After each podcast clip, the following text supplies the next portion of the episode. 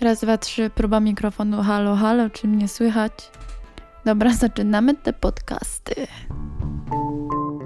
I wtedy w literaturze lat 90. Dobra, dobra. Daj te frytki.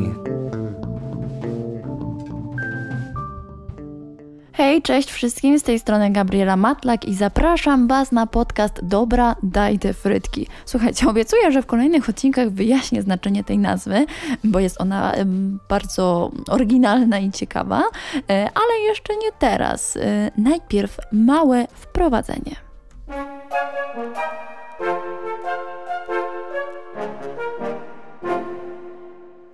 Jednak przejdę do opowiadania o książce, o której, y, którą chcę Wam dzisiaj przybliżyć, y, chciałabym wprowadzić trochę takiej swojskiej atmosfery, a raczej właściwie nie ja, tylko sąsiedzi, y, ponieważ obok mojego domu jest startak, a kolejny sąsiad akurat remontuje coś w swoim domu, więc gdybyście słyszeli na przykład piłę motorową, stukanie, wrzaski panów startaków, to nie przejmujcie się tym absolutnie, rozsiądźcie się wygodnie w fotelu i poczujcie klimat polskiej wsi, w której wszystko budzi się do życia.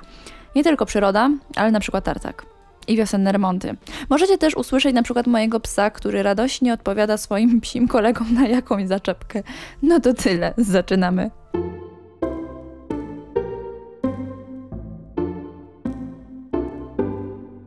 Są książki o miłości, na przykład o miłości niespełnionej, albo o tej miłości trudnej, wyczekanej lub na przykład szczęśliwej. Są również książki o zdradzie, o zemście, y, o wybaczeniu, ale też o wspaniałej przyjaźni, y, o poszukiwaniu siebie. Są thrillery, powieści sensacyjne, y, kryminały, ostatnio bardzo, bardzo popularne. Jest też literatura piękna, no i filozoficzne rozważania nad sensem istnienia.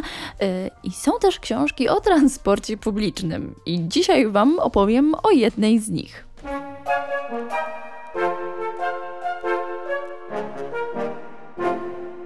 Czy wiecie, że 14 milionów Polaków jest wykluczonych komunikacyjnie? No ale tak, co w ogóle znaczy to wykluczenie komunikacyjne? Ano tyle, że do dalszych części miasta, miasteczek lub wsi nie dociera lub dociera w bardzo ograniczonym składzie transport publiczny. Mówimy tu na przykład o miejskich autobusach, o busach kursujących między miastami i miasteczkami, ale także o pociągach.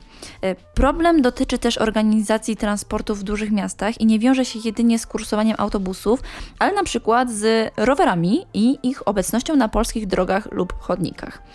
I tutaj właśnie w tym momencie pojawia się Olga Gitkiewicz, która opisuje ten szeroki i poważny problem w książce Nie zdążę.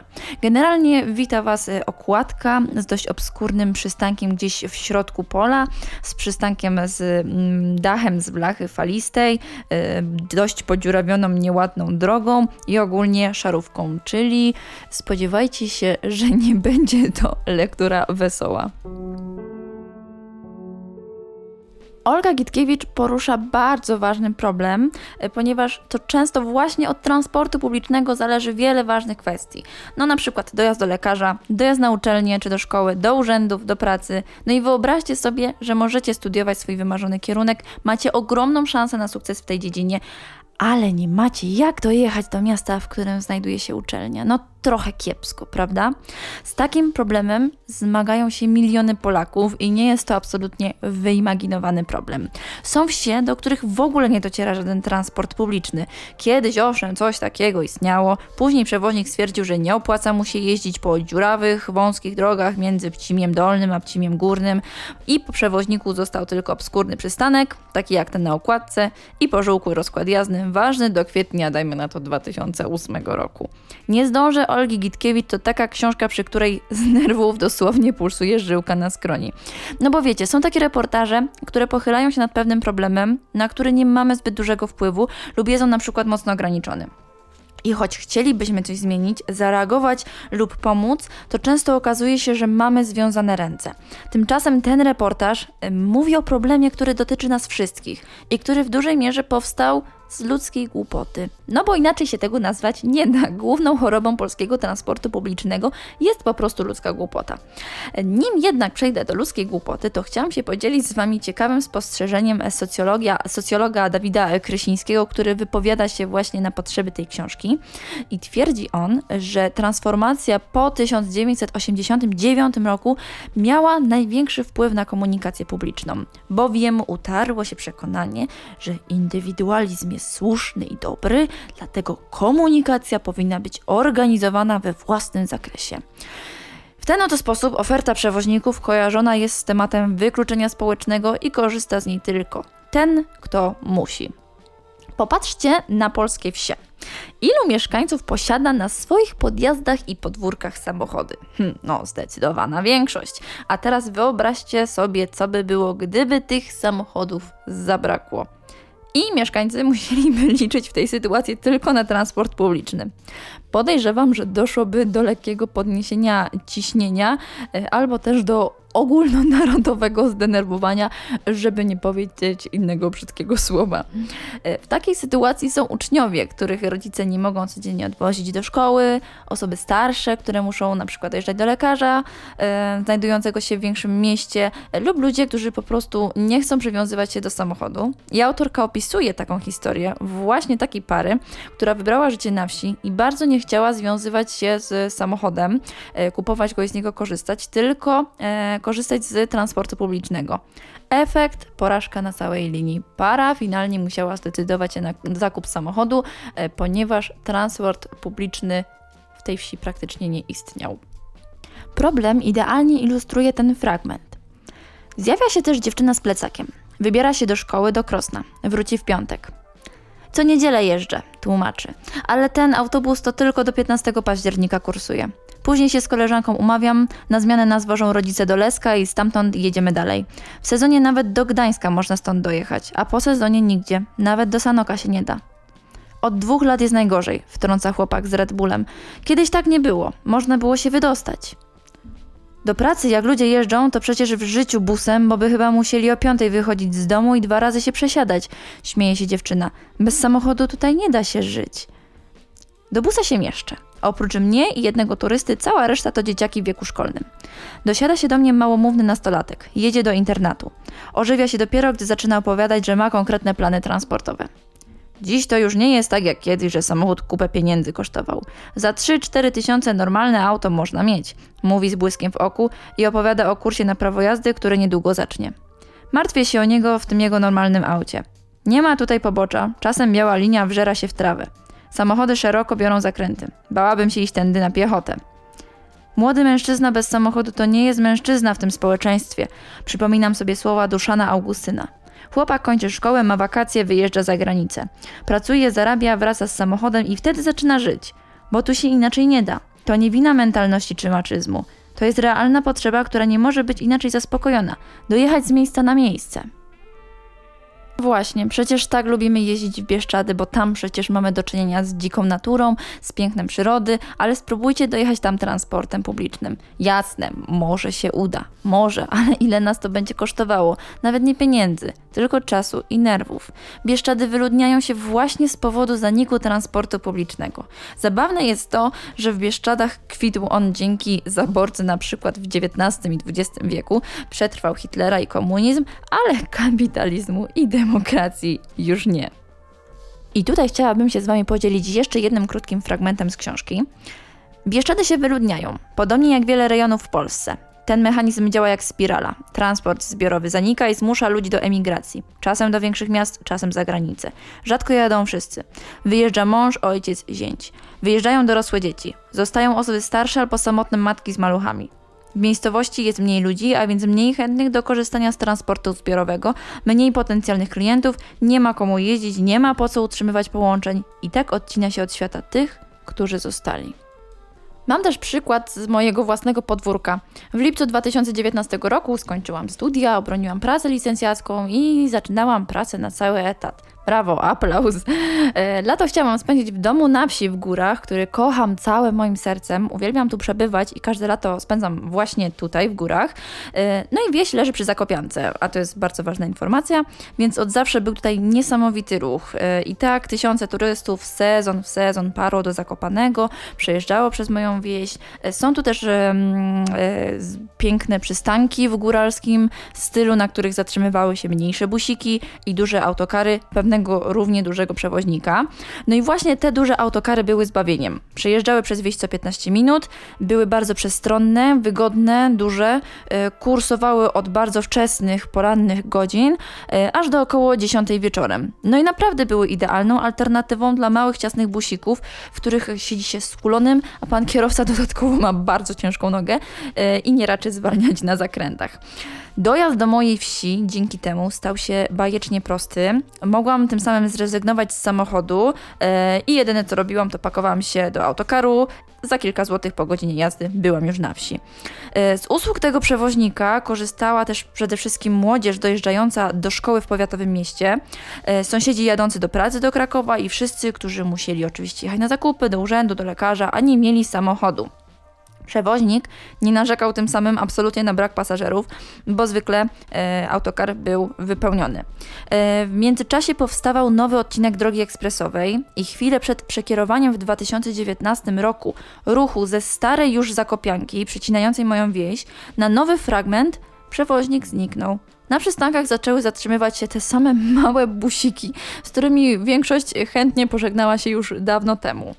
E, Akurat stało się to w momencie, w którym miałam przenieść się na wakacje na wieś właśnie w lipcu 2019 roku i dojeżdżać do pracy tym wygodnym i dużym e, autokarem. No cóż, żadnym nie pojechałam. Pojechałam za to raz tym małym ciasnym diabelstwem i powiedziałam, że nigdy więcej. To był mój pierwszy i ostatni raz.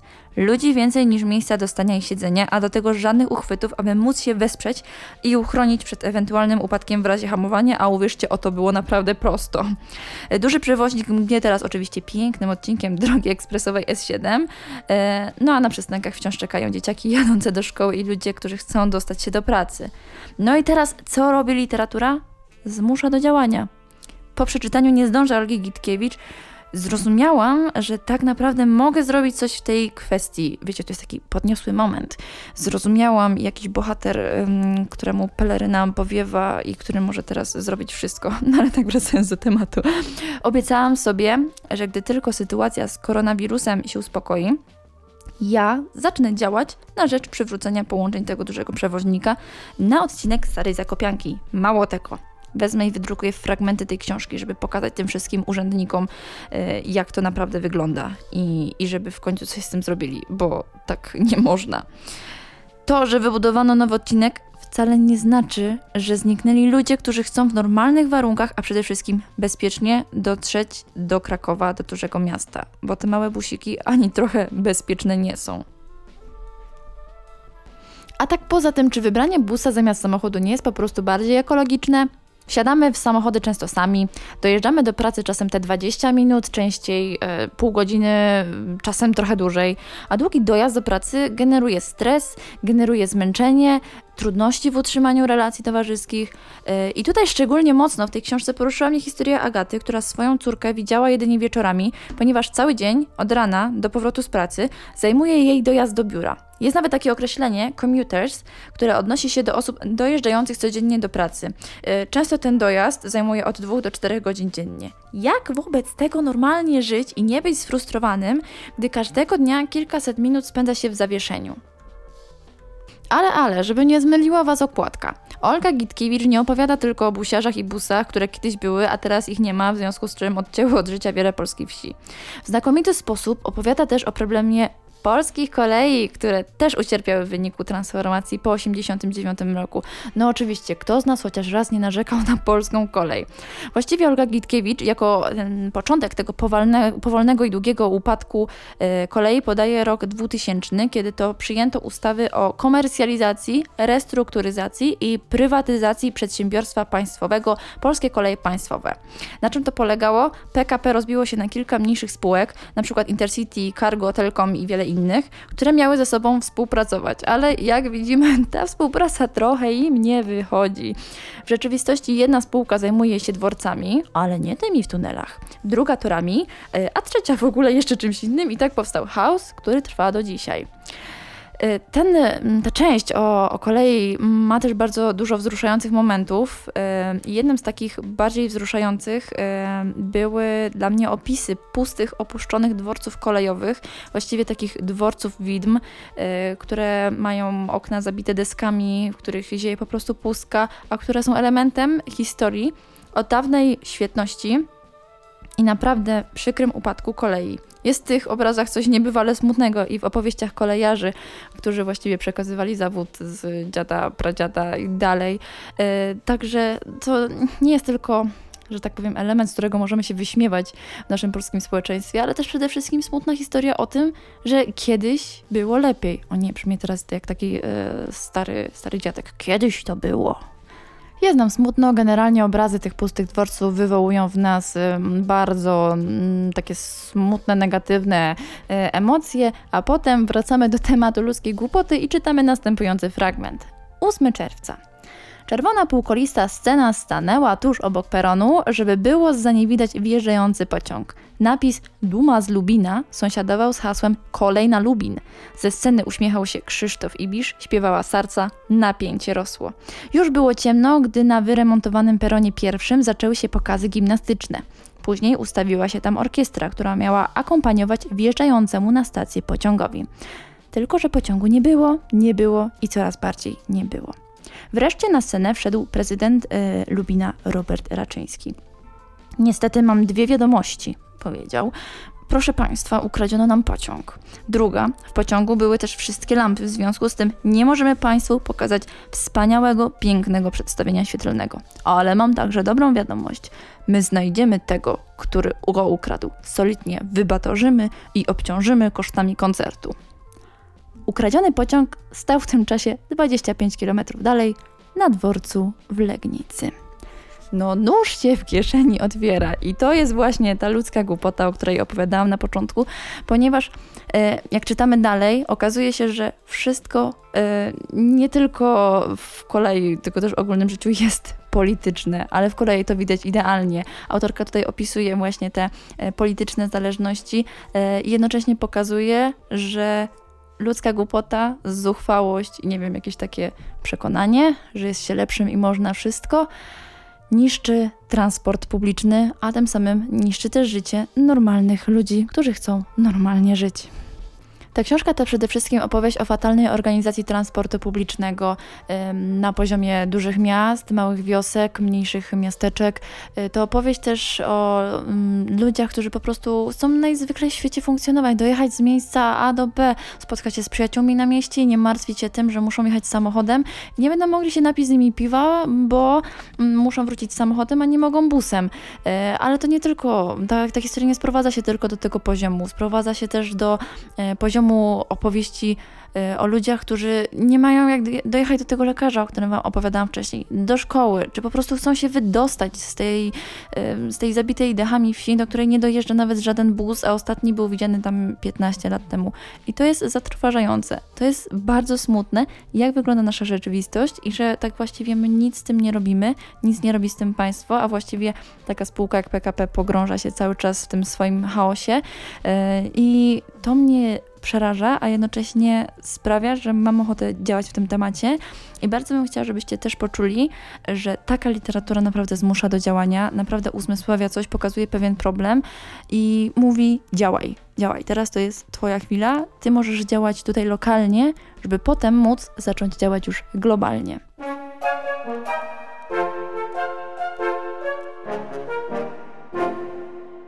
Przykładów ludzkiej głupoty, która polega na niezwykle zaskakujących decyzjach, jest w tej książce co najmniej bardzo dużo.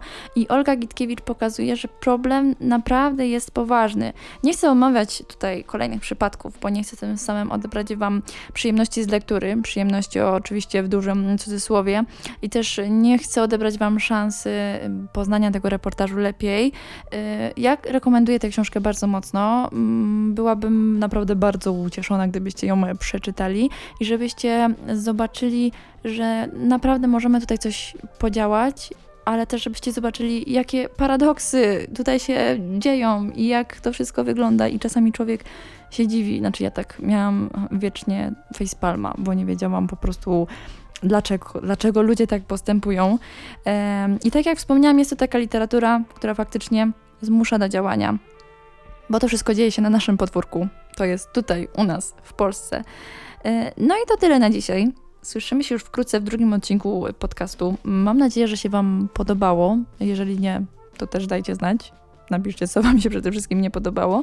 E, No i słuchajcie, obiecuję, że już wkrótce opowiem Wam e, trochę o tej nazwie i o znaczeniu, e, bo myślałam nad nią bardzo długo, ale na razie to by było na tyle. Dziękuję za wysłuchanie pierwszego odcinku podcastu Dobra, daj te frytki i słyszymy się już wkrótce. A długo jeszcze będę czekał na te frytki?